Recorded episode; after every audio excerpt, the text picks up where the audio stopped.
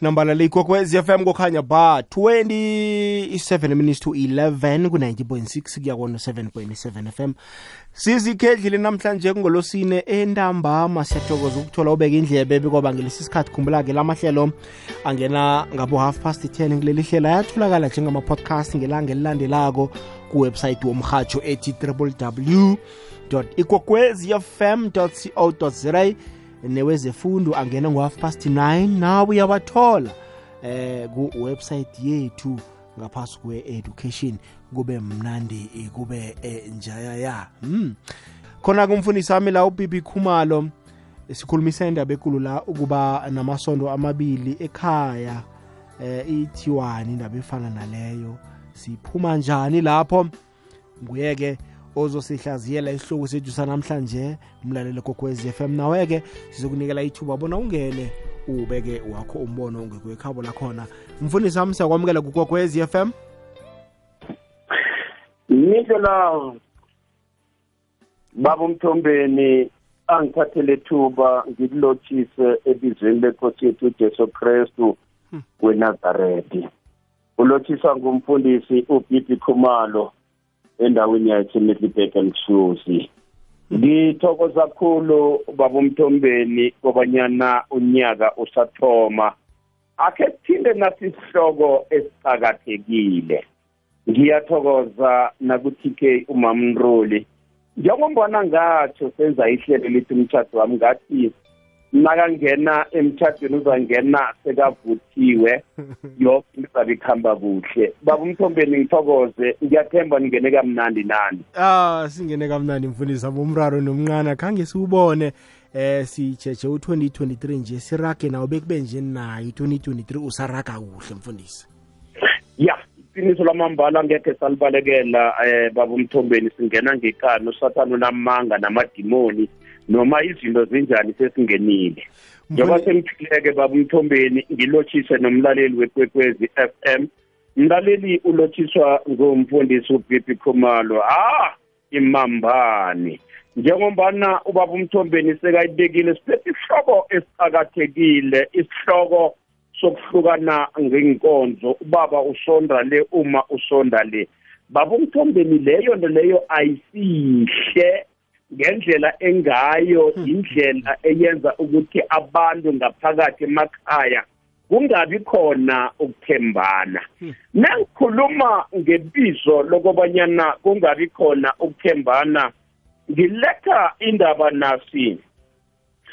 Akhe sikhambe ngamabomu siye ebhayibheleni siyofunda incwadi kwebe-efesu indima ngesihlanu. Akhe sifunde ngamabomu indinyana ngeyamasumi amathathu aleke ngakunye efesu chapter 5 verse 31 kunomntana engizawujubhula ngalokho-ke indoda iyakushiya uyise nonina inamathele kumkakhe.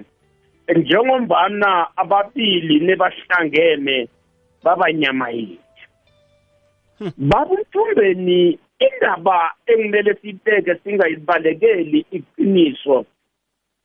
Lesikhathi abantu ababili nebangena emtshadweni kuthatha isiqundo sokobanyana namhlanje kuba nguma kuba ngubaba baraga baya phambili.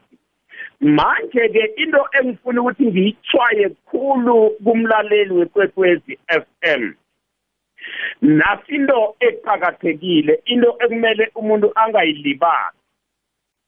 Asiye ebhayibhelini siyofunda incwadi kwebegalatiya indima ngesithandathu six sifunde ngamabomu indinyana yesibili galatiya kwabasegalatiya six verse two. Thwalisanani imitha imithwalo. Ngaleyo ndlela nizabe nizalisa lokhu zinde kafuna ukuthi bakwenza uyabona sinomraro engekhe salibalekela iqiniso? Lesikhathi nebangena emtshadweni ngikhuluma mina ngamadoda athunyiwe hayi azithumile. Ngimaphi la madoda na? Ngikhuluma ngemmambane abafundisi bajame lapha babawe uma la kade asonda khona nobaba lasonda khona bese bathi-ke manje-ke mavalelisa umfundisi sakho umtshela ukuthi soyokwela kule koro yangapha. Njengombana ibhayibheli selithwile ngamanye amagama baba umthombeni ngifuna ukuthi indaba le uhoke olalele njenganje ayizwe. Ngombanyana lesikhathi ubaba nakakhamba ayithoro yinye akanaso isithunzi lesikhathi nakachinga le nomachinga le. Kuyofika isikhathi esibhisi baba umthombeni kanye nomlaleli bese kusahlala unokufa ngaphandle ekhaya. Lesikhathi lesisahlela unokufa ngaphandle ekhaya kulapho uzobona khona amadoda angakathunywanga namadoda athunyiwe la angakathunywanga akerega noma afika la aletha into le inkonzo naye athi size ngomananga hayi ubaba basambali kodwa ibhayibheli isitsheni ukuthi ubaba uyihloko manje ngizo-ke izinto ezilimaza kobanyana ngaphakathi la ekhayeni kumele sibe yikoro yinye. Nesiba yikoro yinye kwenzekani na? Asiye ebhayibhelini siyofunda incwadi yezaga indima ngiyaka-27 mfundisi wami ngaphambi kobana uyifunde ibambe lapho ngifuna ukuyokuthengisa nasibuya la sizayifunda-ke okay. Ukulandelela ibhalansi ye-tv license yakho. Sekulula khulu kunangaphambilini akusekho ukujama emjejeni.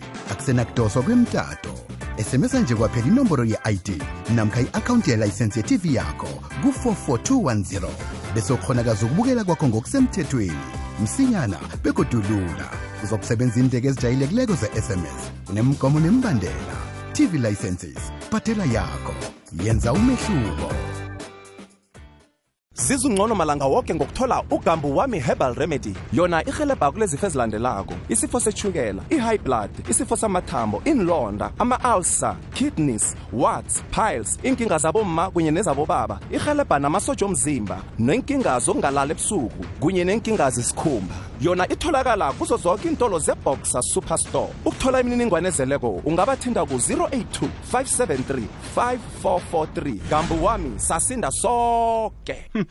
Inombolo leyigogwezi fm kukhanya ba 19 minutes to 11 lihlelo yazi ngekolo yakho sikhambisana nobaba umfundisi ubibi ikhumalo sitshetshe indaba ekulukazi laba kwethu. Uma nobaba basonde emasondweni ahlukeneko emkhayeni mm, into zokuraga njani lapho umfundisi ami ukhona unandi uyadzubhula lapha. Nalapha umfundisi ubibi ikhumalo imambane. Mfundisi eh, sikhumbuza ivesi sikhwele phezu kwalo. Ya ngithe ngamabomu sizakuya encwadini yezaga indima ngiyaka-27 sifunde ngamabomu indinyana ka-17 bakumthombeni indaba le njengombana ngiyijubhula nje yindaba eqakathekile. Njengesimbi nayilola enye nomuntu ulola omunye. Ngamanye amagama lesikhathi bakhamba bobabili baba yinto enamandla baba yisindo esiqakathekile. Lesikhathi-ke babumthombeni bahlukana ngenkonzo omunye aya le aya le. Lithini ibhayibheli ngencwadi ka-amosi indima ngesithathu sifunde ngamabomu indinyana yesithathu. Abantu ababili bangakhamba ndawonye bangakavumelananga na manje ke ngifuna ukutsho njengombana ma ulalele baba ulalele umraro osiphethe lamalanga lawa lesikhathi niwuthi wena lela sondo likababa awuzwisisi akusisondo alikhambi kuhle lalela. Kunento eh baba umthombeni elimaza abantu. Omunye akutshela athi lela sondo lela elimbathi isambatho mina ngilithandi ngithanda isondo elinje. Akhe siye kujuwele indima ngesibili sifunde ngamabomu indinyana ka-13 joel chapter 2 verse 13 dabulani inhliziyo zenu. Ningadabuli izambatho zenu. Kwaphela nguzimu usomlini ngombana kunguye owasidala namuhla abantu bafuna ukuhlebhula izambatho kodwa indaba ingaphakathi. Ngifuna ukuletha lo mlayezo. Lesikhathi nowenza lokho uthingele uthingele ngamanye amagama ma kuyasithi nguwe ushada ubaba lo. Asikhuluma iqiniso sinalibalekile amunye uzathi-ke baba umthombeni nomlaleli ngombanyana ubaba lo akasoni ngivuma nawe.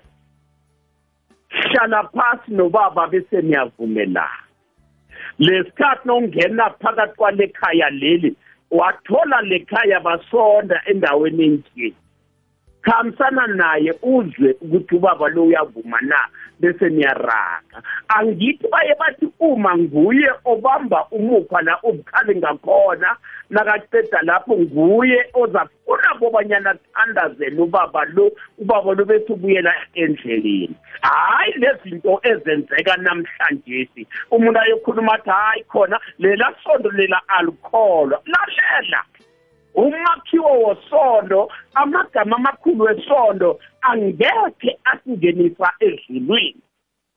Wonke umuntu ongena ezulwini ngemsebenzi kuthi lakho isondo lidume kangangani lakho isondo likhamba ngenkolo yezibhedlula amatayere lakho isondo kuthiwa nebachumayela kuba nomuntu okhona ukuthi a-interprete ngesintu wena ukhulume ngesingisi kodwa emakhweni asikwenzi lokho ni amakhuwa ngekho awezwe abhizalwa nokufunda isindrebele manje naso into elimaza abantu. Lesikhathi nokuphuma ekhaya uyayalwa kuthiwa khamba bakuhambise yini into ebangela lokhu um baba umthombe nomlaleli. Kuba lesikhathi nebakhambisa umakoti uphuma noyise mhlambe bakhetha omunye noma umnawabo kube nguye uyomsa ngaphambili bese nalo eze nomunye obahlanganise. Kulapho kuthiwa uyakuthiya uyakusukela abekheni unamathele kulo otshade kuye. Ngingakuthiyi baba umthombeni umbuzo ya ngiyakuzwa mfundisi wami la. Eh alo usuwazi ke siphila kwelinye iphasi amalanga lamfundisi ungathola ukuthi isondo leli umasonda kilo mhlambe lamvusa phasi ekuguleni kuthiwa angathomi alichiye eh vele uthinene nalokhulu nangokomoya. Siyavuma ubaba unalo lakhe amthola nalo. Siyokusebenza njani lapho mfundisi? Asilungise baba umthombeni. Uyabona into eqakathekile fanele kosowakhuluma amaqiniso.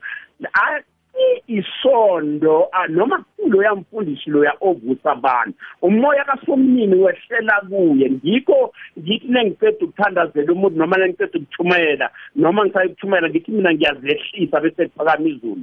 And then phezu kwalokho ekumele sikwazi ngakho-ke asiye ebhayibhelini akhe siyofunda umhlolo kajeromoya indima ngiyaka-29 verse 11 jeremiya 29 verse 11 mbala ngiyawazi amehlo noma amacebo onayo owakhona kuwe ngombana mina nginguzini uyabona kunento eyodwa babumthombeni eba yikhonkolo lesamende lesikhathi abantu bakhamba bobabili.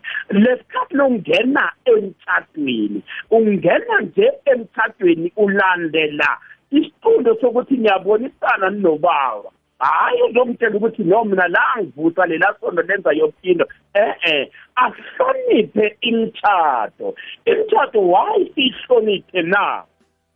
Funda incwadi kamateyu chapter 19 verse 6 funda incwadi kamarcos chapter 10 verse 9 ngithanda nakho umntana othi ngusomnini ohlanganisa indoda nomfazi emtshadweni ukuze yonke into ikhambe kuhle. Wase wenza-ke isibonelo ngo-adam no-eva ngobanyana labantu ababili namhlanje uzimo wabahlanganisa wamenza owesifazana wababophelela ndawo yinye kobanyana bakhambe bobabili ngaleso sibopho leso. Akukho la siza kutsho khona ukuthi lena la ngisiza kangangani? Eh-eh yonke into kunalo moya ocwendekile ofikayo besiyenza. Yikho namuhla silimala kangaka. Yikho namuhla sizibetha isifuba sizikhakhazisa. Sikhambele phezulu sinamaviyani ngapha entambeni nama-rachel sichama ngathi sinemlodo emakhwapheni sithi thina sipholisa abantu thina senza one two three. Uzima usesumbeke ngaphandle. Into kumele uyazi ma into kumele uyazi baba neningena emtshadweni ibhayibheli ibeka kuhle indaba ithi ubaba uba yihloko. Why ibhayibheli ithi ubaba uba yihloko na? Iyeliqinisile ngombana ubaba nguye wokuthoma owathoma kobanyana enze umsebenzi kuloma lo emva kwalokho-ke bese kuba nemndeni mm. iyazwakala mfundisi wami kwesinye isikhathi uthola ukuthi mhlambe uma usonta esontweni eh labazalwane uphulusiwe usindisiwe. Ya ubaba usonta kwelinye mhlambe isondo. Lingakhambelani nekolo kamali akhule ngayo ekhaya. Bese kuba nzima ukuthi uma aye phasi namkha ayokungena esondweni lakababa ngembandela ethize zeze sidlula njani lapho? Lalela mindlo lapho nethi ngena emtshadweni ukuthi leya lela sondo lela noma leya nkolo leyo uyithanda kanjani? Lesikhathi lesingena ngiyathemba emtshadweni eminingi engiyenzile mningi kakhulu khulu khulu mningi kakhulu ngimina ngithatha isifundo angithathi isifundo futhi ngikhuluma ngebhayibheli. Ngithi lithi ibhayibheli endaweni esona akhe siye ngamabomu endaweni endabeni kamthumayeli chapter 5 ivesi ngu-4 no-5 ngizayijubhula. Nawenza isithembiso phambi kukazini ngiba ulizwe kuhle nowenza isithembiso phambi kukazini ungariyadi ukusetha uzimo nguye owenza zonke izinto bese ziyancofa iproblem nesijame lapha seyi-two ukhuluma amagama uphethe idila mnwanwa uthi baba umntwanami baba baba wabantu lalela ngiyokwenza konke mina sinawe siyofa silahlane siyofa silahlane njani? Omunye nakathatha indlela nakathinga le nomunye athinga le. Ngombana emtholweni ka-amosi 3 ivesi ngu-3 ibhayibheli ithi abantu ababili bangakuhamba bobabili bangakavumelananga na lesikhathi uma nakenza njalo ngifuna ukukhuluma iqiniso ngekhe ngalibalekela no lo mtshato lona kuyathi ukuthi no akusimtshato ngombanyana uthatha isitulo. Lalela nidlo lapho akekho umuntu onelungelo lokuhlulela enye inkonzo. Njani imfundiso ubhidi khumalo nokufunda ibhayibheli encwadini kamateyu indima ngekhomba. Funda nje indinyana yokuthoma neyesibili mateyu 7 verse 1 and 2 kunamazwi athi ngendlela ohlulela ngayo nawe uyakuhlulelwa ngayo. Indaba yokuthi mina ngisindisiwe lo athi mina ngisindisiwe usindiswe njani? Okokuthoma abomakhelwane awukhulumisani nabo nabantwana omunye ibele nabo niyanwarana kunomguruguru. Ha ufilipu kwincwadi befilipu 3 verse 18 ah ibhayibheli ithi ngilibala konke ongemuva bese ngihlabela phambili. Manje inkinga esilimazile thina abantu bala ephasini sisaphila kule phasi langaneno sengakayamanga into efunekayo iyodwa kuhlonipha umtshado wethu. Lesithathu baba nakakuhamba yedwa nakaya lapha esondweni ithi ayokuthumayela abafazi babo bani? Lesikhathi noyalapha wena bayokuthini ebacasimisa umama ubani? Nasi inkinga. Inkinga njengoba sengihlathululile baba umthombeni nomlaleli inkinga la iba uNkulunkulu lesikhathi lekuvele unokufa ngapha ngekhaya uzobona ukuthi lapha bahlabana kangangani babiza abanye bababizi ngenkonzwanyana eh awunalo ilungelo lokobanyana wahlulele omunye umuntu. Ngenzeka wahlulele omunye umuntu nje ungomunye nawe la kade ubereka khona ngaphambi kobanyana uze ujame ngaphandle ukuthi ngamukela uKristu ngathiya isono. Watsho wathi mina ngangeba amasamende indlu engayakha ngamasamende kodwana sengimukela uKristu nomukela uKristu-ke bisikatapula. Yilalisa indlu le uthome phasi-ke. Sibone ukuthi imbala kwamambala vele somukelile na? Imfundisi wami bawa ke siyokuthengisa nasibuya la sinikele ithuba umlaleli gogwez FM naye ahlanganyele nathi indaba lesiyidembe sisoke. Ngiyathokoza mindlo la. Awuzweke mlaleli gogwez FM iwhatsapp number yethu la ithi 079 413 2172 079 413 inomboro zomtato 086 0003278 086 0003278 sitshetshe indaba ekulu la. Isimo sethu sigijima emithanjeni yemizimba yethu sikhamba nengazi. Ngikho igido lesikhethu likusikinya ngomgqibelo ekuseni nomavusana ngesimbi yesihlanu. Ngemva kwendaba ngesimbi yekhomba athi siyatshakala ngengoma ezimnandi akulethele abavumi nemmemezelo zemindeni. Sikhethu lapha sikhamba khona kukhanya ba. Usono lilanga lokuphola kuphemethe umoya okukhumbuza kade ngesimbi yeshumi nambili emine kulu ujabu ukulethela ezikhamba nomoya. Ihliziyo ibuthakathaka iyafisa ilangazelele. Umbuzana nakanolady b bayayipholisa. Lihlelo phola hliziyo ngosondo ngesimbi yesithathu. Sisi ngedlile. Ekupheleni kwelanga lokuphela kweveke. Umbhino okulungiselela ukuthoma kweveke etsha uzwakala ngesimbi yethoba ebusuku. Uvoroso ukukhumbuza othandwa yihliziyo yakho ngengoma ezimnandi. Ikwekwesiafm kukhanya ba nambala le ikwekwez fm kukhanya ba ngikhamba noma nemambane la umfundisi ubibi khumalo sitshetshe indaba yamasondo amabili ekhaya. Umfundisi ngivumela khe sinikele umlaleli gogwez fm ithuba simuzwe bona yena ukhomenta uthini. Asibadobe Eh akwandri imidlo lavo nobaba Khumalo ngopesi mahlango eMiddelburg Dam eSteve Chwede thokoze esithwele nzima ngamasondo nakagcwele edrobheni naka ama-fly by night. Abomama bayawathanda batsha batsha uthola umsebenzi uzanesivi bayithandazela.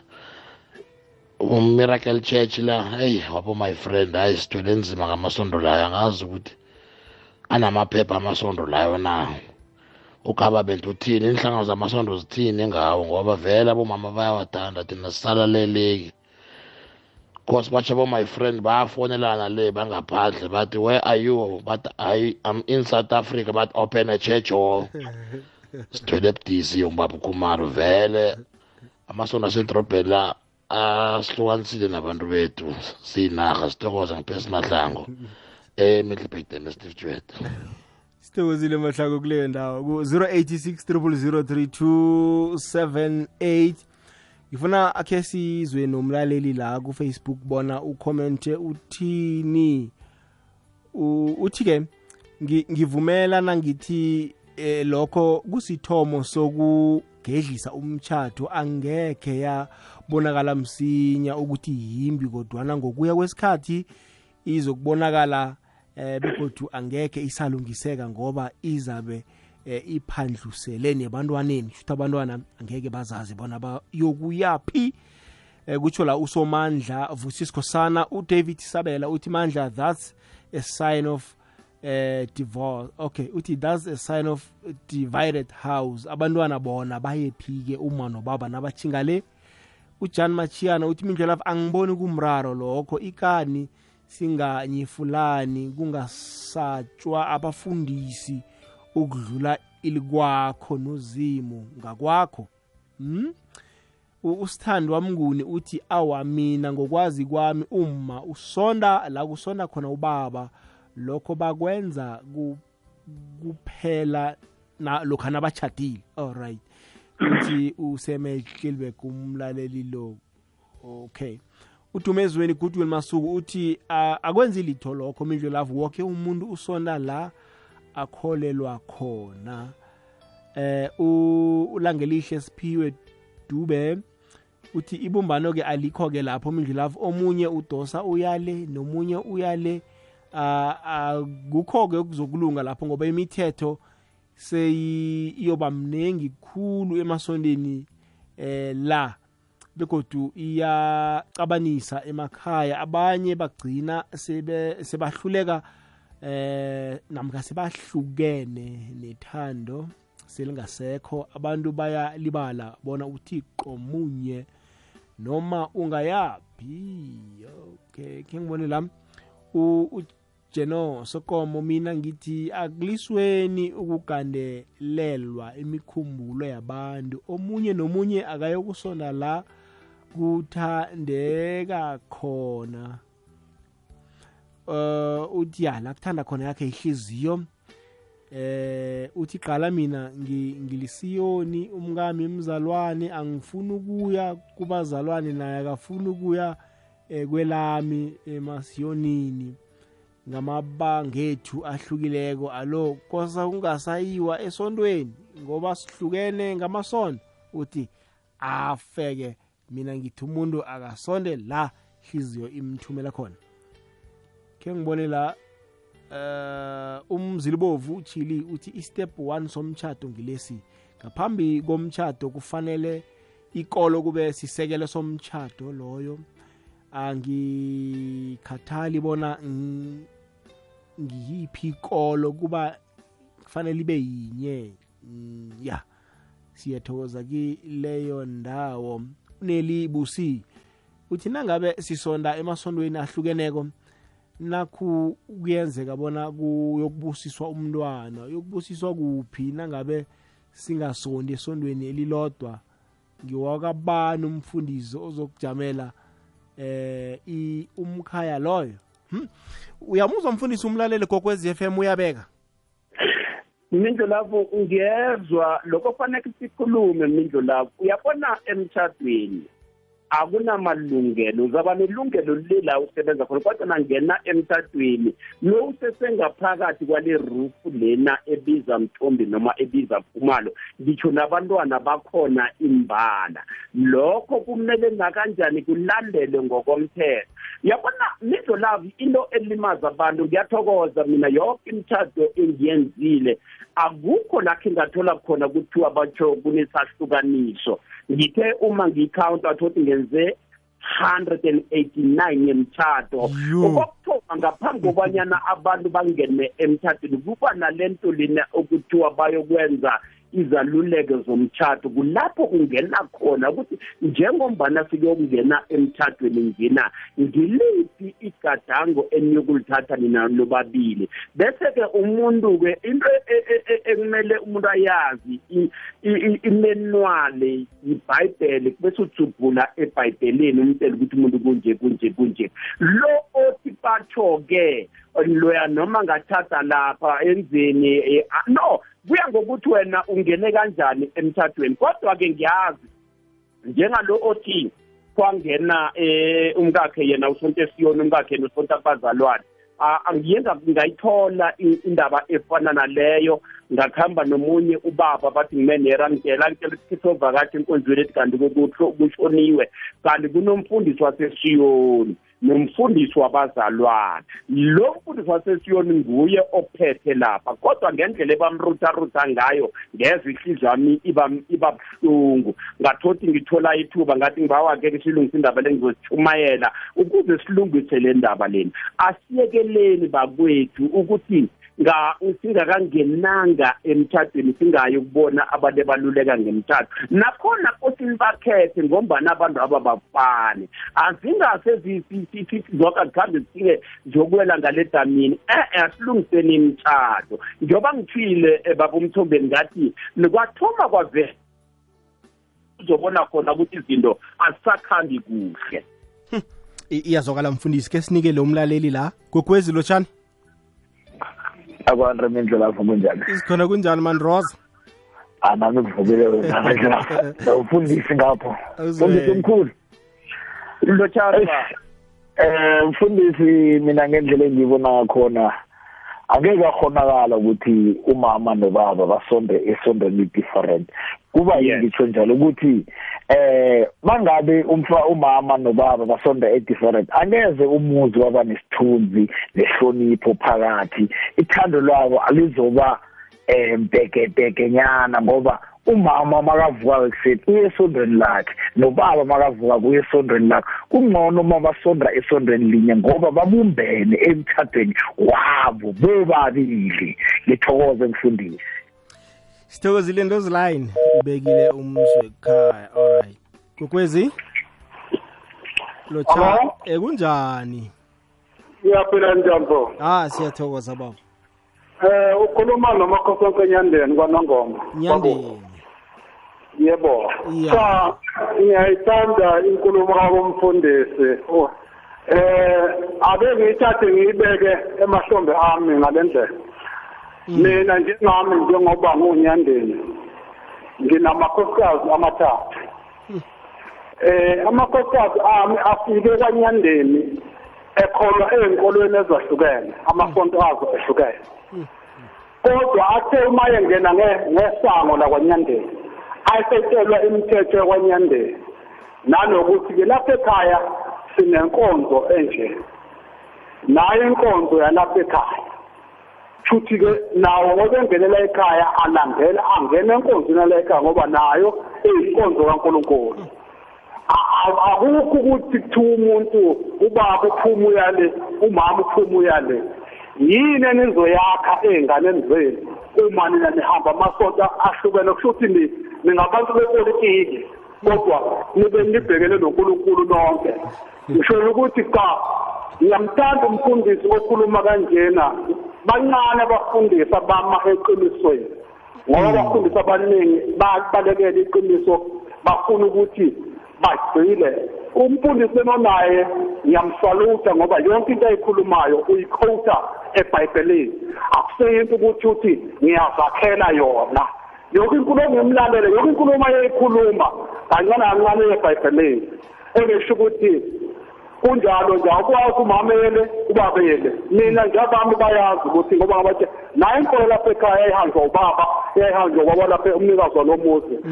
Sonke ke singena kuyo ngiyabonga sithokozile nyandeni kwanongoma. Ah wayibeka unyandeni khe sizwe la?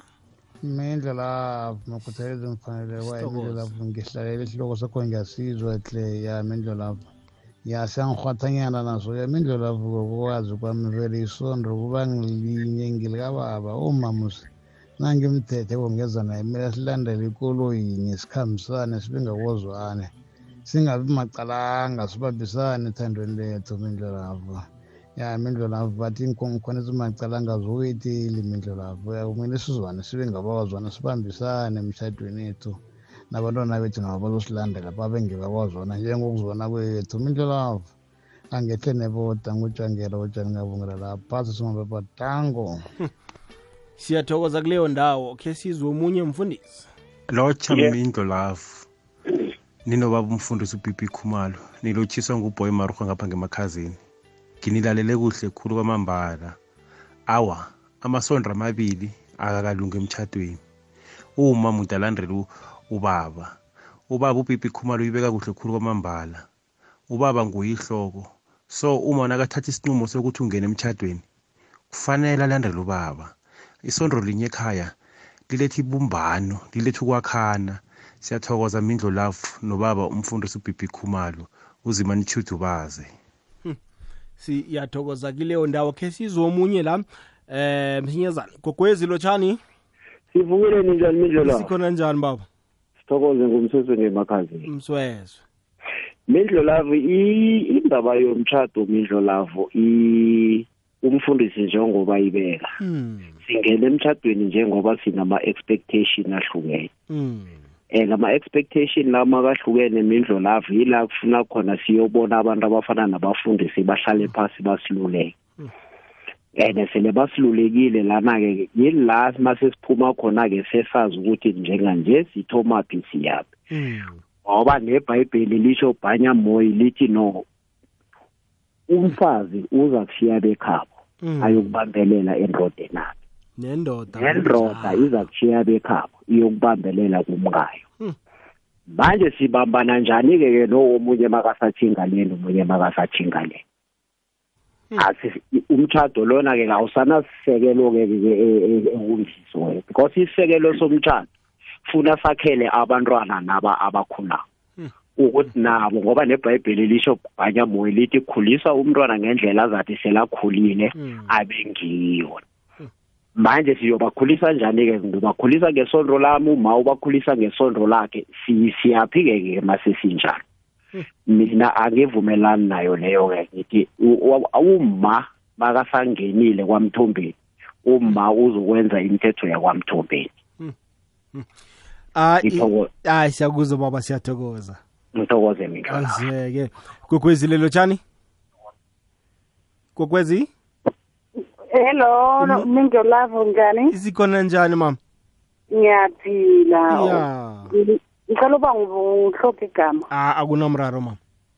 Kunento ebengicela ukuyibuza kumfundisi. Mm.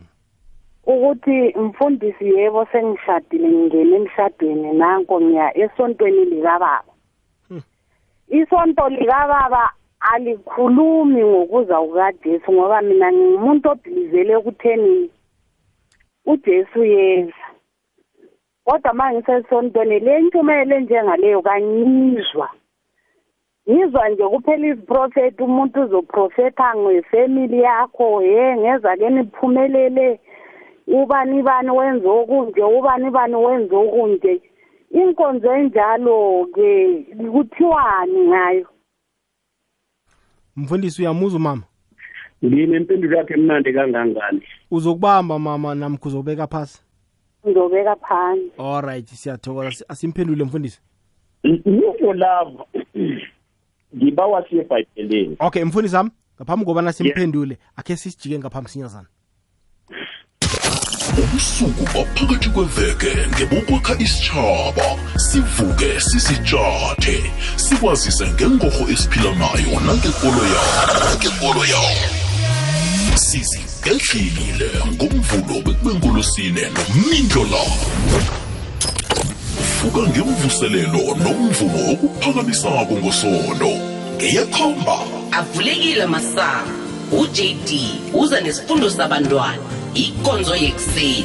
Namezwi wesibusiso wavela elizweni lenkosi. Vuseleleka namezwi wekuthazo uthandi mamakhe mahlangu ukulethela ikonzo. Ivangeli nomvumo usekhaya.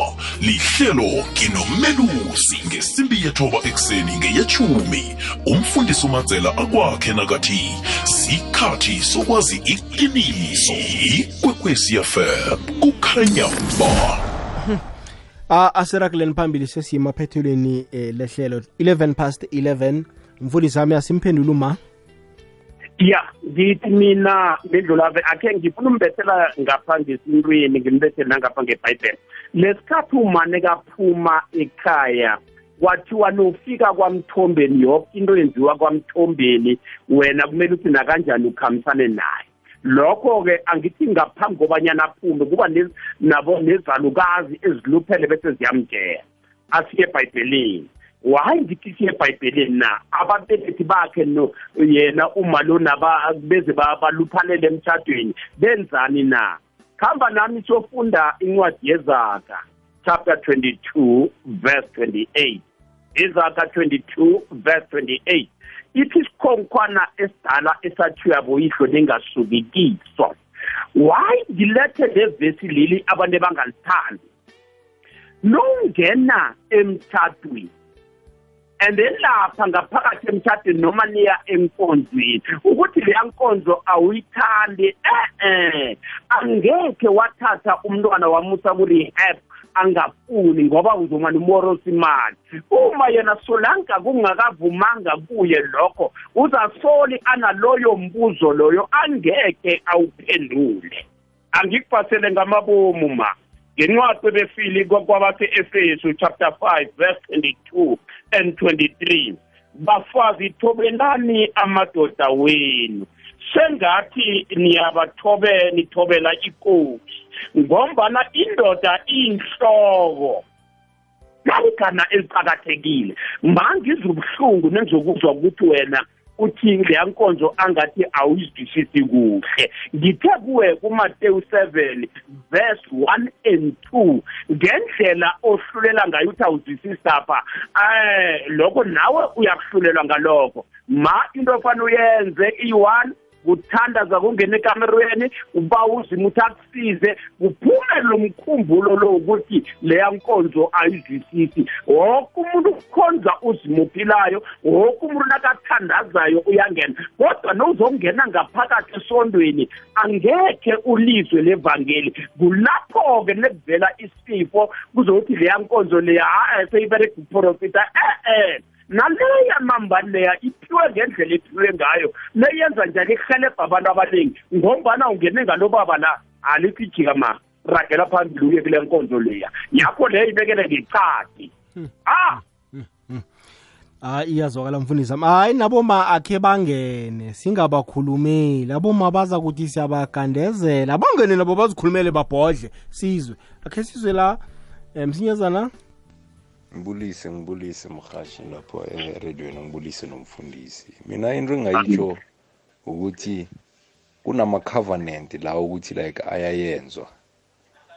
Ukhumbule ukuthi u-abraham wenza i-covenant nozimu and maye kuso uthatha umfazi mhlambe ngithi osindisiwe mhlambe esithi umzalwane or eh umfazi ungekho owumzalwane. Wena njengehloko kumele alandele wena ngisho mara but inkinga yocala la ukuthi ubani oyofuna ukuphula i-covenant le yena ayenze nonkulunkulu wakhe.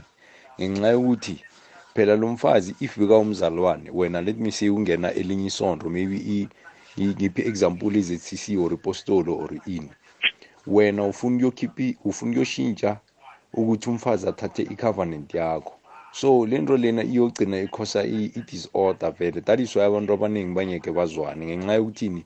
Ngenxa yokuthi loya umzalwane lo ngapha umpostoli so nithi nifuna ukuhlangana niyenze ini into eyi-one. And lo mama uthi yena ngeke akwazi ukungena kuphi ungena epostoli ngenxa yokuthi yena ukhulele ebazalwaneni. So ngcono musi umzalwane achade umzalwane umpostoli achade umpostola baye enyangeni bachade baye enyangeni kanjalo. Ukuthi ama-covenant wabo arestoreke ngoba ngeke kube simple vele ukuthi omunye ayeke i-covenant yakibo. Yabo. Na siyathokoza mzwekhethu ke size omunye la mfundisi? Mindlolo ngiyasiza isihloko nomfundisi ukhumalo ya into le ayizwi angeke ikhambe kuhle nakuthiwa omunye usonale nomunye usonale izokubetha.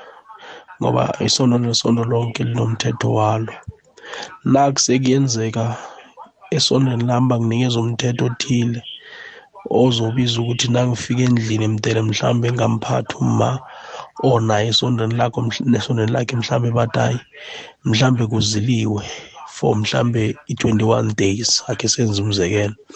Eh mina esondweni mhlawumbe asikafiki lapho ekuthenini mhlawumbe ukuthi eh singazila senza yonke yonke into isenzeka isakhamba kuhle akunande siyizileko. Then ufuna ukungitshela inwele ukuthi ayizukubanga umsindo endlini. So indaba yokuhluka ngamasondo iyabetha kakhulu. Manitshadileko nibanyamanye nibe munye nisonde endaweni yinye. Ukuthi yonke into enizoyithola lapho yenziwa izokwazi ukuthi inibophe nonke kungabi ukuthi omunye ule nomunye ule. Nabamtshele lokya esondweni lakhe nakafika sayenza la endlini futhi seyibetha kimi nami sebangitshelela okunye lapha sethi seyibetha kuye. So mfundisi injalo nje ayijiki imdele sisondele sisonde endaweni endaweni inye na uchadileko na uhlala nomuntu wakho mdele nisonde esondweni linye. Ngoba kuzokuhluka imithetho nasi indaba sithokoza ngumthimunye ngedevon siyathokoza mindlo love nomfundisi ngesihloko senu sithokozile mthimunye gugwezi lotshani Ngabenza kunjani? sikhona njani Cha ngamuzwa kwakumfundisi layishoyo. mm. Nawe uye wambuza ukuthi wathi iphesenti lakamama. Umama wangena kulo agule lamlapha waphola. Mm. La into ehlanganisayo kuhlanganisa uthando. Mm. Umuntu ungamthatheli i-decision. Uba umfundisi makazi makabashadisa ezi isingisi lathi ushadise e-129 akababuze ukuthi eh, mama nobaba niyathathana niyavumelana na ngamasonto ukuthi umama uzakuyelela isonto lakho elapha ezebelapha wathi siyashadisa athi umama eh mina siyavumelana ngokushada nangothanda mara ngesonto asivumelani ubaba umfundisi uyithini lento leyo? Akathi nawukashadisa akababuze umfundisi ungafuthi munye muntu kosafele ini umama ukuthi ufela umshado kubaba yinhloko hayi mina baba ngizwisisa indaba leyo umuntu nakaphila impilo ayithandayo. Ngilanganise umshado ngibuya esontweni elingapha uyangithatha ngisesontweni lapho engizento engingiphatheke kahle ukuba mina ngiphila lapho ngiguli mina ngingayi esontweni ngiphile nami ngibe right. Kosafele ini umama ukuthi wena umshadile uyinhloko baba umfundisi ngitho abashadisa ne? Ubabuze ukuthi niyavumelana ngomshado and niyavumelana nesonto nawo kubona matanziniya bathambe ngiyabo babamisa hayi mzwekhaya uzwakele siyathokoza kileyo ndawo. Okay siyathokoza. Khe sijike ngapha sithini isindebele ifundiso yesiko lethu ilwazi ngendlela yokuphila kukandebele. Imiraro nensombululo ngubranko nkambule ngunolenkasikhosana nonomlungisi uthobile mahlangu ngabosondo ngesimpi yesithandathu ntambama. Sithini isindebele ikwekwecfm kukhanya ba Eh sawubona Mindlolavu ithemba lakho nesikhulumi sakho. Eh ngathi khona la sishoda khona sishoda ngolwazi sintula ulwazi ngempela ngoba ngezwe omunye ngelinye ilanga washo wathi ungaboya esontweni ulindele ukuthi uzothola iqiniso noma uye esontweni ngokuthi ufuna iqiniso. La uthola khona iqiniso incwadi engcwele ila uzothola khona iqiniso. Yebo ibhayibheli siyalifunda kodwa asiliqondi ukuthi lithini. Noma kungenzeka ukuthi asizinike isikhathi esenele ukuthi silifunde kuze kufike la siliqonda ukuthi lithini uthini uNkulunkulu ngathi ufunani uNkulunkulu ngathi. Ngoba ngiyeza ukubeka kwabantu bantu babeka bahambise phambili lokhu umuntu okuhlala kahle kuyena okuzwana naye kube iloko athi kulungile azafune futhi ukuthi akudlulisele kwabanye abantu ukuthi kufanele baphile ngale ndlela. Ngakho ngathi abantu kufanele bafunde iBhayibheli baze balizwisise bezwe ukuthi uNkulunkulu uthini ngempela yini efunekayo ngathi efunwa uNkulunkulu ngathi.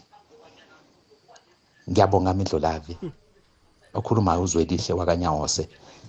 Ngise Limpopo iphulukwane ngiyabonga. Siyathokoza azwelihle ligogwezi lotsha gogwezi akwande njani? Sikhona kunjani baba? Khona ngikhuluma nosolu ngemlodo mm sikulalele baba. Abantu yazi ukuthi makhuthalelo ezimfaneleko.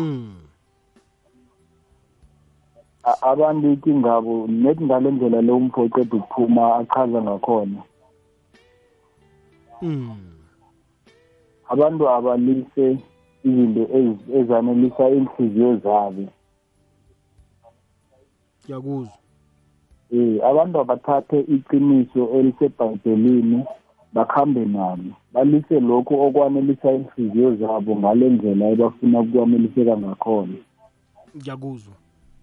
Iye. Umfundisi ukhuluma kuhle indaba yakhe ngiyayithanda iliqiniso uma ulisekela lakababa ubaba ihloko yomuzi nguye othatha iinqumo iye. Ah siyathokoza msekhaya. Thokoza mfundisi sami ngena ya ngifuna ukuthi abantu bazwisise kuhle. Angithugulule into le kancane. Uyini umtshado na? Ibhayibheli ithi encwadini kamateyu 19 verse 6 ihloso kasomnini ngomtshado kubonyana abantu ababili babambisane omunye komunye basebenzisane babe munye. Kungabi khona ukuhlukana phakathi kwabo ngombana ngaphakathi endlini kwathoma kwahlukana bona kulandela nabantwana. Manje fanele sizwisise kuhle ukuthi umtshato yini inhloko yakhona. Okwesibili mindlo labo abantu kufanele bazwisise kuhle. Lesikhathi mina ngithi ngithandazela ubaba umthombile mangingazibethi isifuba angizehlise mina bese ngibonga izulu.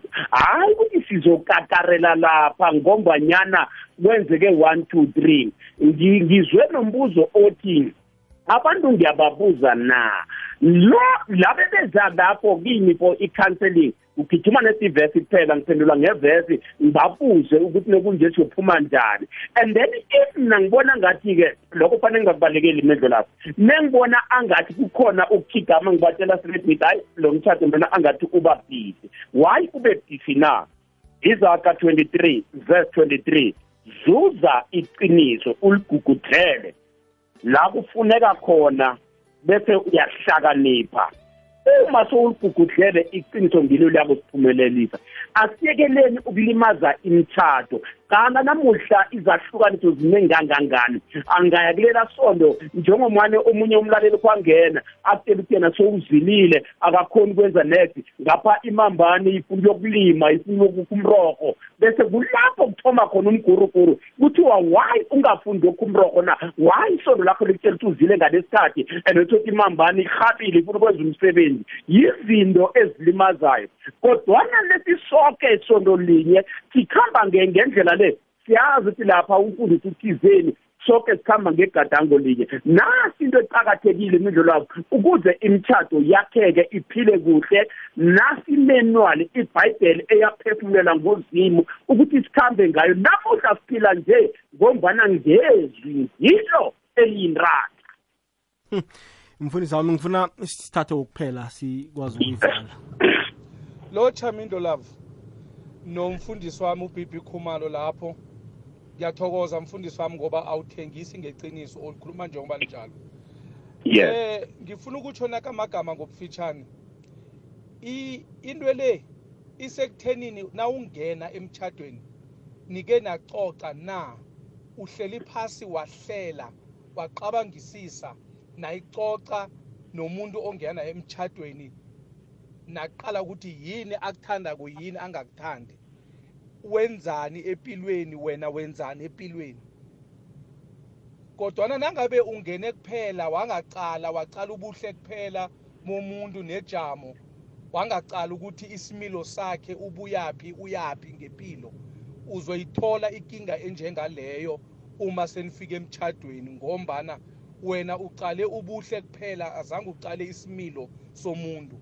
Uyacoca nomuntu uyamazi qala ukuthi ukhonza kuphi yiphi ikolo ayilandelako nizokuvumelana na? Nihlala phasi niyayicoca into le ninomuntu lo ongena naye emtchadweni nivumelana ukuthi ngoba mina ngifuna ukuchata wena usekolweni enje mina ngisekolweni enje then sokwenza njani phambi lapha ngoba kumele ube nami la ngikhona. Nicoce into le. Andukuba ningena emtchadweni so ngiyarareka ukuthi abantu bangena njani emtchadweni omunye ale omunye ale bangakayicoci into le na. Uma bayicocile angekhe kube nenkinga kodwa na nabangakayicoci into le then kuzoba nomraro vele phambi lapha. So inkinga ilapho mfundisi wami njengoba utsho ukuthi kumele siye ebantwini laba abaluleka ngezemitshato kulapho siyokuthola khona iqiniso lokuthi la singena khona kumele izinqumo zethu zifane sibe sendaweni eyodwa ngoba sesiyobanyamanye kodwana nangabe asiyanga lapho and kwathina azange sizihlole kuqala ukuthi lesinqumo esisithathako ukuphi la sihamba sifana khona ngezinqumo zethu ukuphi la singafani khona. La singafani khona silungise nethi lapho ukuthi asifani ngekolo asiyilungise andukuba ngizibopha kuwe ukuthi sichadane ngilokho mina ngikushoko so asilungiseni lapho masokana asazokuthatha thina nokho sesithethe. Awa ngithethe mina ngihleli ngakwami nomkami sikhonza ikolo yinye akunamraro lapho. Ngiyathokoza umfundisi isaac tibane ekwaha mindlulafu ngiyathokoza. Sithokozile mfundisi. Ah, sithokoze khulu kwamambala. Um mfundisi ukhumalo u- uyayibeka umlaleli gogwez f m. Umbuzo wami wokugcina kanti mfundisi kungaba njani mhlawumbe nangabe um uma akalizwisisi isondo lami siyokufunela ichacha angisho ukuthiwe uma uza kuchiya abakwabo azokuba nyama yinye nami nami ngichiye bakwethu ngizokuba nyama yinye naye. Siyokufuna lethu sobabili eli-neutral esokuthoma ngalo umtshato kubalaphi nalapho? Mindlu lavo ngiphendula umbuzo wakho. Ngiya- ngiya- ngiyayithanda inkulumo ekhulunywa ngumfundisi utibane abantu bangena emthathweni ngombanyana unalo moya kamarko 9 verse 29 ithi lolu moya lolu hlobo lalo moya ngekhe lasuka lula entweni ngapho ntazini kudla besiyathandaza umuntu angabona umuntu adosa ikharavani ajame kuhle unalo moya wokurhaba. Kodwana nedi ngokuthi nedi athole umuntu azokuhambela phezulu akuhambe atshela abangani bakhe athi hayi ubetha ngesimomondini hayi angize mbuzwe nakho mambani umbuzo loyo mindlo lavo unje? Lesikhathi lebabona angathi abalizwisisi ngivuma nawe. Why ngivume nawe na? Asiye ebhayibheleni sofunda incwadi kagenesis chapter 2 verse 18 usomnini wathi akusikuhle bona umuntu ahlale ayedwa akabe nomsizi wakhe. Why kube njalo? Lesikhathi izinto nezithoma ngathi zithingane imidlo lakho kuhle ukuhlala phasi bese niyabonisana nithathe igadango. Mara-ke kumele nithethe kobanyana nizawagega amasondo la. Nizawagega reh omunye nakafika lapha akutshela ukuthi akusinjeni. Kodwa into eqakathekile kuthatha isicundo esaphuma ngaphakathi emntwini ukuthi manje sengithatha igadango elinje. Lokho ku- kubalulekile kanjani imindlo lakho sesivala uMateyu chapter 22 verse 12 ah ibuza umbuzo ithi mngani ungene njani? Ungenayo ingubo yomtshado na? Nesikhuluma ngengubo yomtshado sikhuluma ngezinto eziqakathekile nina ngokwenu enikhambisana nazo la nibonisana khona ukuthi indlela le enje esiyithathawo irek manje nonganayo ingubo yomtshado ma uzakwenza ngendlela owenza ngayo. Iyadwa into engiyithandayo mina mindlo lakho ngithanda nje iqiniso ngilo iqiniso elizasitshapulula ubona imitshato eminingi namuhla inamabharasa kangaka inamasasamba kangaka.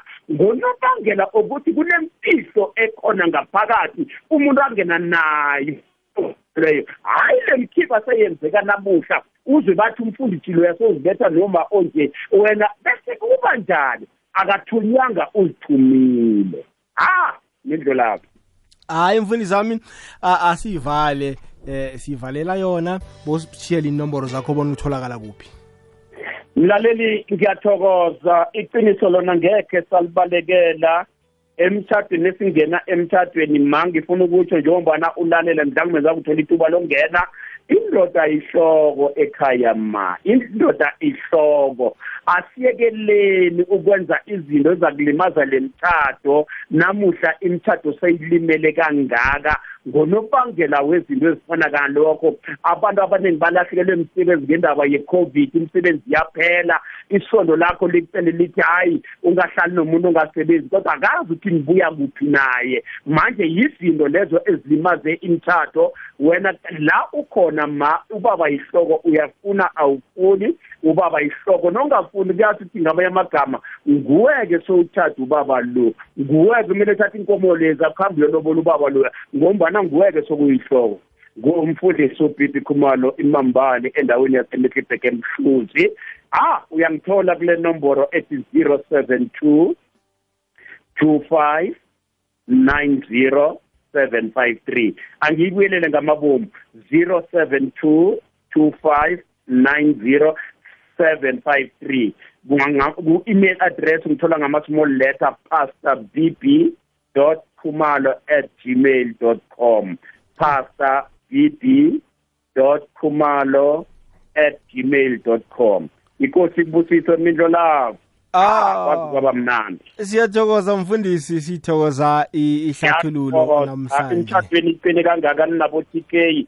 Nidlule lana senza ihlelo lithi imtshado yami. That's why imtshado kunjalo mfundisi siyathokoza ngalokho Thank you. uzweke ubusuku bube mnandi baba Thank you. siyathokoza mfundisi ubibi khumalo besitsheje indaba yokuba nenkolo embili ekhaya